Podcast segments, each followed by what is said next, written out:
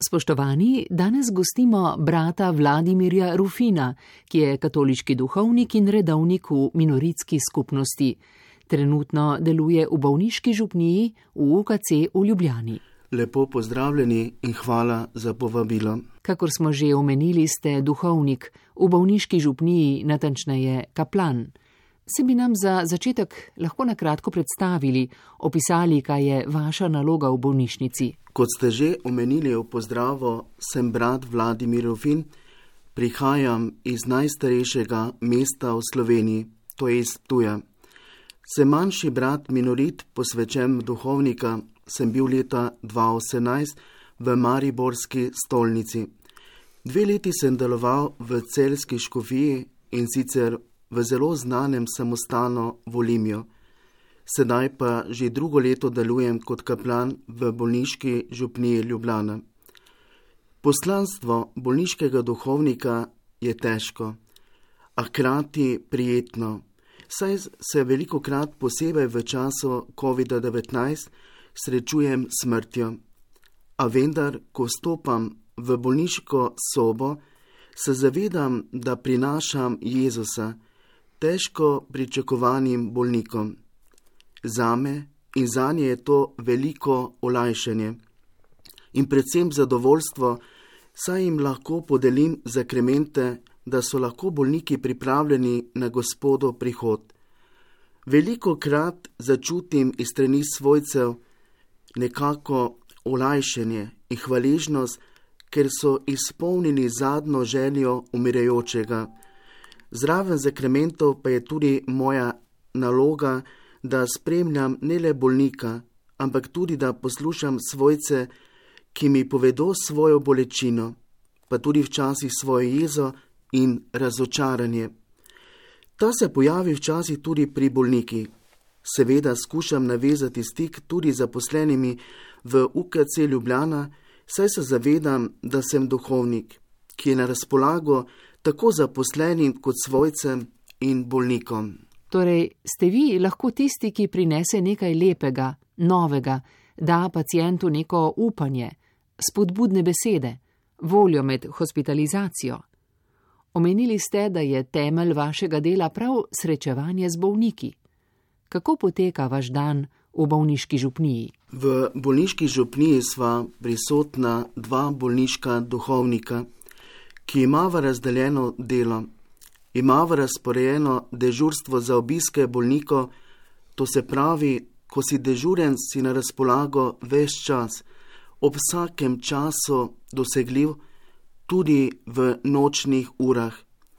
Ko te pokličejo zaposleni iz UKC Ljubljana, onkološkega inštituta ali svojci, hitro odhitiš k bolniku. A temelj najnega poslanstva je v tem, da darujeva sveto mašo, ki je središče krščanskega življenja. To je velika milost, da se lahko pri maši spomnim bolnikov, ki sem jih obiskal, ki jih bom v tistem dnevu obiskal, pa tudi tisti, ki so prestopili zemeljski prak življenja.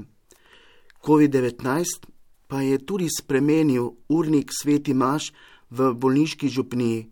Prej so bile maše v UKC kapeli zvečer o pol osmih, na onkološkem inštitutu pa je bila sveta maša ob nedeljah in sredah ob 16. uri. V bolnišnici Petra Držaja pa vsako soboto ob 16. uri, tudi v času COVID-a.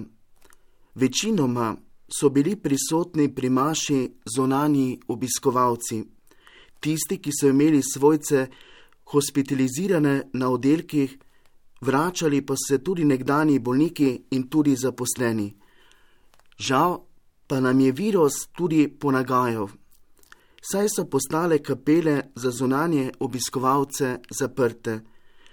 Tudi zdaj za zunanje obiskovalce ni stop, ni vstopa v UKC Ljubljana, razen če imaš kontrolno, kontrolo diagnostike oziroma če imaš dovolilnico strani zdravnika. Tudi zaposlenih ni bilo, pa tudi ne bolnikov. Zato smo prestavili termin sveti maš. V UKC Ljubljana je Maša vsak dan od ponedeljka do petka ob 6:30 uri. Veseli me, da je ta Maša strani zaposlenih zelo obiskana. Žal pa bolniki niso prisotni. Na onkološkem inštitutu pa je vsak dan Maša od ponedeljka do petka in sicer ob 10. uri. Tukaj skoraj ne srečamo zaposlenih, če se prav vsak dan srečajo z smrtjo. Prisotni pa so bolniki, ki nekako čakajo na izvide in na ambulante. Prav tako je v tem času omejeno gibanje po bolnišnici, tako da večinoma obiščemo bolnike, ki se jim steka zemeljsko življenje. Veliko imam obisko tudi pred operacijami, obiščem tudi bolnike z COVID-om. Zgodi pa se tudi tu in tam, da se bolniki poslovijo brez zakremento, saj nekako nimamo vsak čas stopa na oddelek zaradi vdora COVID-a oziroma bojazni strani predstojnikov oddelkov. Sem vedno na razpolago vednikom za pogovore za sveto spoved.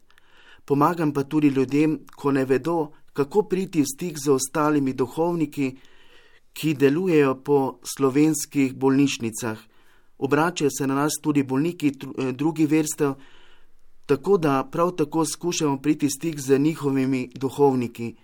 Gremo pa tudi na dom, če nas pokličejo svojci za poslednje maziljenje, če ne morejo oziroma niso dosegljivi domači dušni pastiri. Hvala. Ali poleg glavne matične zgradbe UKC Ljubljana obiskujete tudi druge bolnišnice v Ljubljani? Kako pa hospitalizirani in njihovi svojci lahko stopijo v stik z vami? Ja, dela nam nikoli ne zmanjka, ni nam dolg čas, vedno je pestro. V bolnišniško župnijo spadajo bolnišnice UKC Ljubljana, potem tudi porodnišnica, otroška bolnica, očestna klinika, tudi nevrološka klinika, stara travma, onkološki inštitut in tudi bolnišnica Petra Držaja. Pa, pa seveda ne smemo pozabiti internistične 24-urne pomoči IPP Ljubljana. Hospitalizirani lahko ob sprejemu na oddelek izrazijo željo po duhovni oskrbi eh, medicinske sestri oziroma oddelčni sestri po oddelkih, lahko pa najde tudi plakate z informacijami, kako priti do nas. Najdejo pa nas lahko na, tudi na spletni strani bolniške župnije Ljubljana, pa tudi na Facebook strani.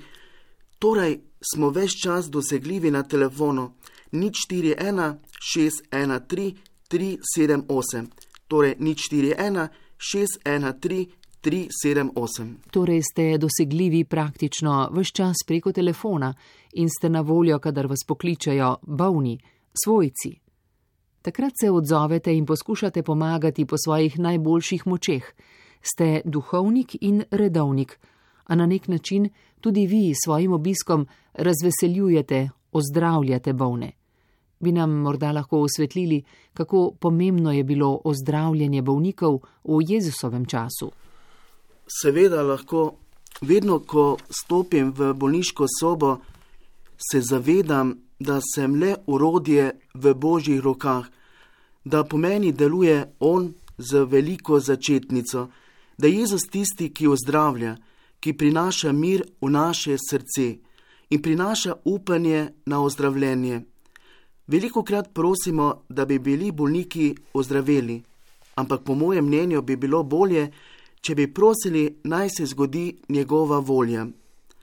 Večkrat lahko v besednem pogovoru slišimo, naj se zgodi Božja volja, ko pa pride neozdravljiva diagnoza, pa ni lahko izreči, naj se zgodi Božja volja. Saj lahko v tistem trenutku edina rešitev, da jih Bog vzame k sebi. Morda smo takrat lahko razočarani ali celo jezni na Boga a vendar je potrebno razumeti, da je bolnik se rešil trpljenja in da sedaj, ko nas vera oči, prihaja na lepše, kjer ni trpljenja in ni solza. Ob spremljanju bolnikov ter njihovih svojcev, ki bi v danem trenutku naredili vse za svojega najdražjega, mi prihaja na misel svetopisemski odlomek iz Matijevega evangelija o ozdravljanju mrtvoudnega. Zaradi velike množice niso prišli z bolnikom do Jezusa, a so se znašli. Nad mestom, kjer je bil on, so odkrili streho in skozi odprtino spustili posteljo, na kateri je mrtvouden ležal. Ko je Jezus videl njihovo vero, je rekel mrtvoudnemu: Sin, grehi so ti odpuščeni, vstani, vzemi svojo posteljo in pojdi domov. Ta je vstal in takoj dvignil posteljo ter šel ven pričo vseh, tako da so bili vsi iz sebe in so slavili Boga ter govorili: Kaj takega še nikoli nismo videli. V prenesenem pomenu lahko to tudi doživimo, ko se stanje po bolniškem aziljenju izboljša, ko vidiš hvaležnost bolnikov, predvsem pa svojcev. Pomembno je, da se vedno znova zavedamo, da je Gospod tisti, ki nas ozdravlja ali pa nas pokliče k sebi. Še veliko odlomkov lahko najdemo, kjer lahko opazimo, kako Jezus ozdravlja tiste, ki imajo močno vero van. Recimo, ko Jezus ozdravi taščo, gobavca, krvotočno ženo. Torej, tudi Jezus je imel stik z bolnimi in tako, kakor nam je dano v Evangeliju, beremo o tem, kako moramo biti dobri z bolnimi in tistimi, ki potrebujejo našo pomoč. To so na nek način tudi tiste kreposti, ki vodijo vas in vaše brate. To veselo oznanilo, kakor ga je prinašal že Jezus Kristus, tudi vi prenašate med bolnike v vsakdanjem življenju. Brat Vladimir, z delom v vaši župniji, pa zagotovo prihaja tudi do težav. Omenili ste, da ste vse čas v pogonu. Kako vam uspe uskladiti vse obveznosti s samostanskimi in najti vse nekaj časa zase in za lastne aktivnosti? Ne bi rekel, da je to ravno odpoved. V prvi vrsti to jemljem kot neko poslanstvo, ki je mi bilo zaupano strani provincialnega ministra. Lahko rečem, da z veseljem upravljam to delo, saj mi je veliko veselje, da lahko v težkih trenutkih stojim ob strani bolnikom, svojcem, da jim znam prisluhniti vsem njihovim življenjskim zgodbam, ki so povezane z bolniki in veliko krat prežete s trpljenjem. Če vsako delo, ki ti je zaupano, upravlja z ljubeznijo, tako v samostanu kot v bolniški župniji, ti naenkrat ostane veliko časa tudi za svoje hobije. Tukaj bi izpostavil, da sem v prejšnjem letu zelo navdušil za planine. Tako da sem članjem v planinsko društvo, rad obiščem tudi različne kraje po Sloveniji in občudujem naravne in kulturne lepote, ki jih premore Slovenija. Za sprostitev pa tudi preberem kakšno dobro knjigo. Strinjamo se z vami, ko smo ljudje polno aktivni in ko vemo, da se ob tem darujemo za drugega, postajamo bolj solidarni, znamo biti bolj zauzeti za delo k dobremu. Kako pa se vam zdi pomembna ta krščanska pomoč bližnjemu, bolnim, s katerimi se vi vsakodnevno srečujete? Krščanstvo nas uči, da naj se z veliko ljubeznijo darujemo za druge, naj ne delamo razlik med vero, barvo kože in tako dalje, da smo najprej človeški. Naj naš ustanovitelj sveti Frančišek Asiški nam v potrjenem vodilu pravi, če kdo izmed bratov zboli, mu morajo drugi bratje streči, kakor bi želeli, da bi bili sami postreženi. Zato ni težko pomagati v, tašk, v težkih situacijah, saj nikoli ne vemo, kdaj bomo mi pristali v bolnišnici, in bomo mi potrebovali pomoč.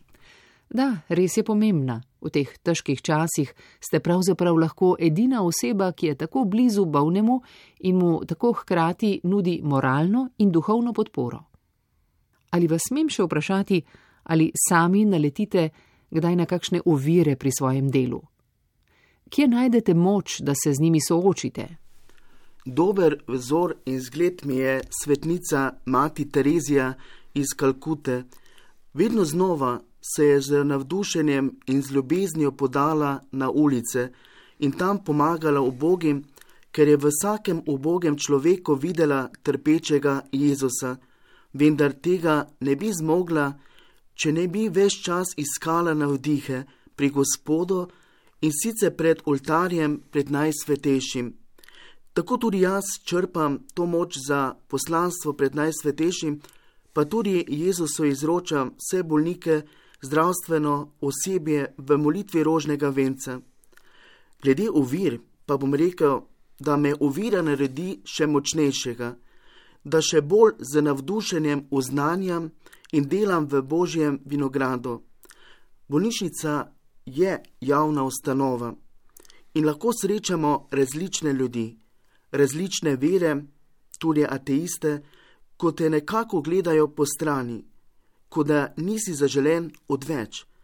A se to lažim z mislijo, da tudi Jezus ni bil priljubljen pri vseh. Zame je pomembno, da sem dragocen v božjih očeh in da resnično lahko pomagam v najtežjih trenutkih življenja. Kako lepo je, ko si lahko prisoten ob umirajočem in veš, da si v tistem trenutku le orodje v božjih rokah. Kakor ste rekli, je prav v tem vaše poslanstvo, da služite ljudem in jim pomagate. Kaj bi nam še zaupali za konec? Kakšne spodbudne misli bi dali našim poslušalcem o vsem tem, kar smo danes slišali o vašem aktivnem delu v bolnišnici in kaj bi nam lahko bilo vodilo? Dragi poslušalci, Morda boste v bolnišnico prišli nepričakovano in nenadoma. Tu je za vas veliko nepoznanega in tujega. Odgovorni za duhovno oskrbo in spremljanje bolnikov v bolnišnici smo zato tu, da vam pomagamo. Če se želite pogovarjati o strahu, skrbeh in vprašanji, ki so vas doletela, predvsem pa o sprejemanju trpljenja v luči vere, smo vam vedno na voljo. Seveda lahko v času zdravljenja prejmete tudi zakremente. Letos 11. februarja bomo obhajali 30. svetovni dan bolnikov z naslovom Bodite usmiljeni, kakor je usmiljen tudi vaš oče. Pa bom zaključil z naslednjimi mislimi papeža Frančiška, takole pravi. Postaviti se moramo poleg tistega, ki trpi, na pot ljubezni. Naj bodo naš pogled usmerjen predvsem na Boga, ki svoje otroke vedno gleda z očetovo ljubeznijo, tudi kadar se oddalijo od njega. Na naše bolnike in njihove svojce in na vse, ki nas danes poslušate, prikličimo Božji blagoslov in, in Marijino varstvo. Pa lep pozdrav in vse dobro. Bratu Vladimirju Rufinu hvala. Želimo mu še naprej lepih trenutkov pri njegovem pomembnem delu. Vam pa, cenjeni poslušalci in poslušalke, hvala, da ste bili z nami. Želimo vam še naprej lepo nedeljo in naj vas misli bolniškega duhovnika spremljajo še naprej.